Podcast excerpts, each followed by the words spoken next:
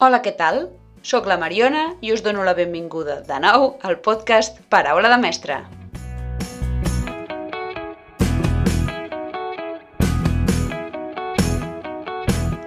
Comencem nova temporada.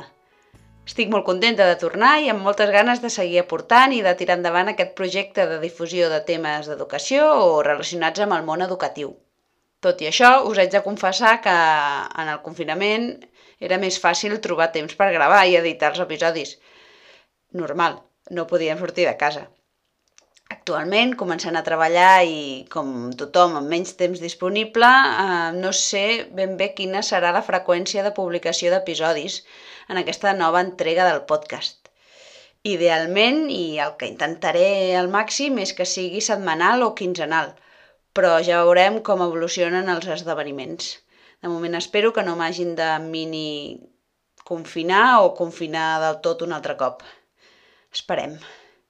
Doncs bé, en aquest primer episodi de la segona temporada, que ja està en marxa, res millor que fer una radiografia de com es troba tot el tema educatiu i de com afronto la tornada a l'escola. Ja han passat l'estiu i les vacances i la situació educativa continua sent un embolic i més incerta que mai. Embolic per dir-ho finament. Però no vull fer una crítica de com s'està gestionant la reobertura de les escoles i les mesures que suposadament hem de prendre ja que ja he perdut el compte de les diferents versions sobre ràtios, grups bombolla, rentada de mans, eh, que, ha, que s'han dit ja per part de, de les autoritats, que entre sanitat, govern, salut i govern ens tenen molt ben, molt ben informats, trobo. Guinyo, guinyo. Però, eh, amb un somriure a la cara i amb la convicció de que ho estem fent de la millor manera possible, seguint les poques indicacions que ens donen i fent el que podem. Els mestres ja portem dues setmanes planificant, pensant com separar grups, sense més mestres ni més recursos, però bueno, ja som experts en idear el flux de moviment idoni dels nostres alumnes i descobrint escales i accessos de l'escola que no sabíem que existien. No us ha passat, als mestres que m'escolteu? Mare meva, quin embolic, però ens n'estem sortint. Però vaja, eh, en aquest episodi no em vull centrar en això, Sí, perquè ja prou s'ha parlat de com s'està gestionant tot aquest tema. El que vull parlar en aquest episodi és del que realment em preocupa, eh, dels infants. Perquè s'ha parlat molt de com els ajuntarem, de com els mourem, de com els hi prendrem la temperatura, però algú ha posat èmfasi en com els rebrem? Porten mig any sense venir a l'escola. Alguns han patit molt emocionalment i, sincerament, em preocupa com gestionar la tornada. Sabré com a mestre donar la resposta a les, a les necessitats ja no tan educatives sinó emocionals dels meus alumnes? Intentant trobar eines per ajudar-me a mi mateixa a fer front a aquesta situació i poder donar el millor suport possible als nens i nenes durant els primers dies d'escola, navegant per la xarxa vaig trobar un article del web obrimeducació.cat de la Fundació Bofill, on l'equip tècnic del projecte d'acompanyament emocional Com Tu donen algunes idees sobre com podem fomentar una bona tornada a l'escola. Us deixaré l'enllaç de l'article a les notes per si li voleu fer una ullada. Doncs bé, aquest escrit m'ha permès reflexionar sobre quines coses cal tenir en compte i, i són rellevants de veritat per oferir un bon retorn a les aules i així afrontar millor la tornada a l'escola. A continuació us adapto les idees més interessants que he trobat d'aquest article i que espero que ens ajudi a molts a fer front a les necessitats emocionals dels nens i nenes. La pandèmia pel Covid ens ha deixat un escenari completament diferent i moltes coses s'han capgirat.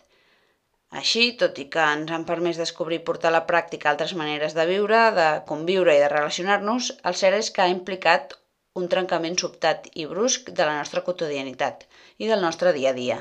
Si per als adults ha estat una situació difícil, imagineu-vos pels nens, nenes i adolescents. El primer que hem de tenir clar per ajudar-los a retornar a l'escola és que si els adults funcionen, ells funcionen.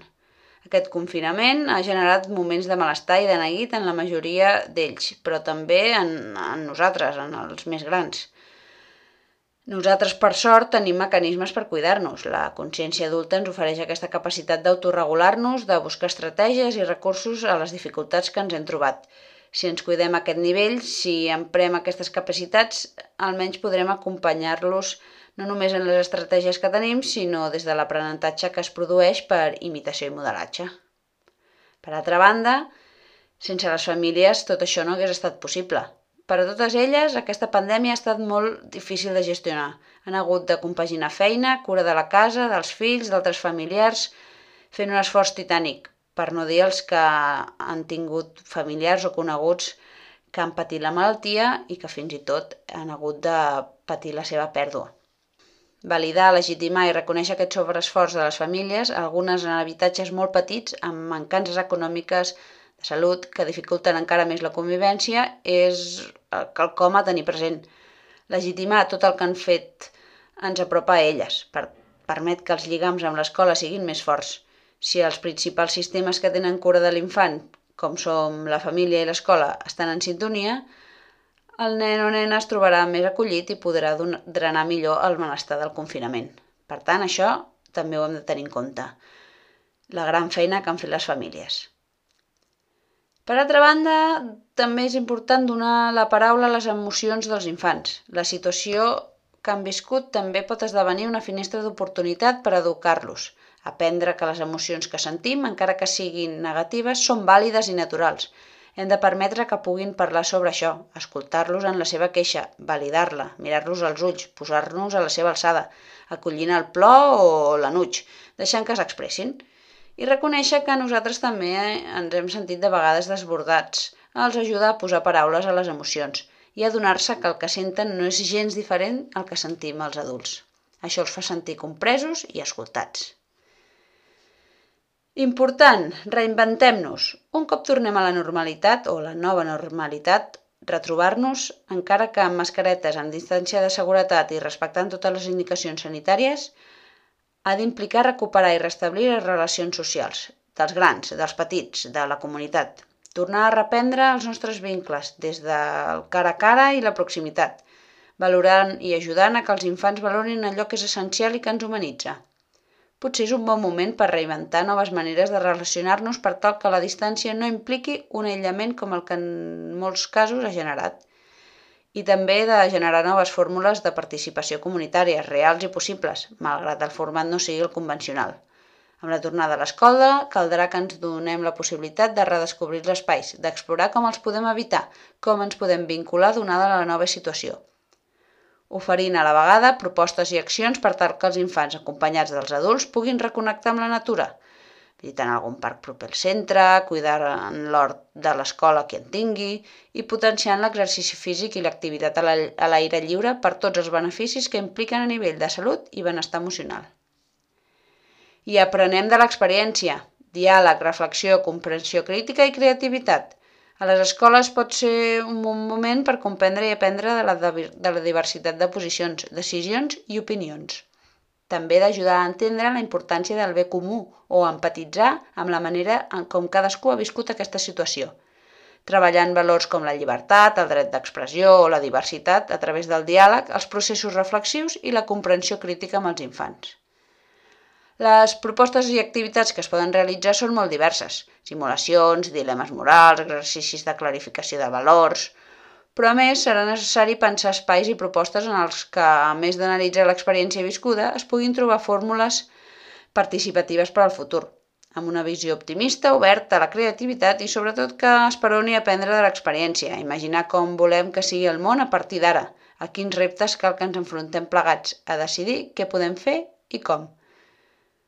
I recordem, el millor aprenentatge que podem donar als nostres infants és que creixin estant en relació amb un mateix i amb els altres. I és que, malgrat les adversitats, haurem de confiar plenament en les capacitats de tots i totes per fer front a aquesta nova realitat.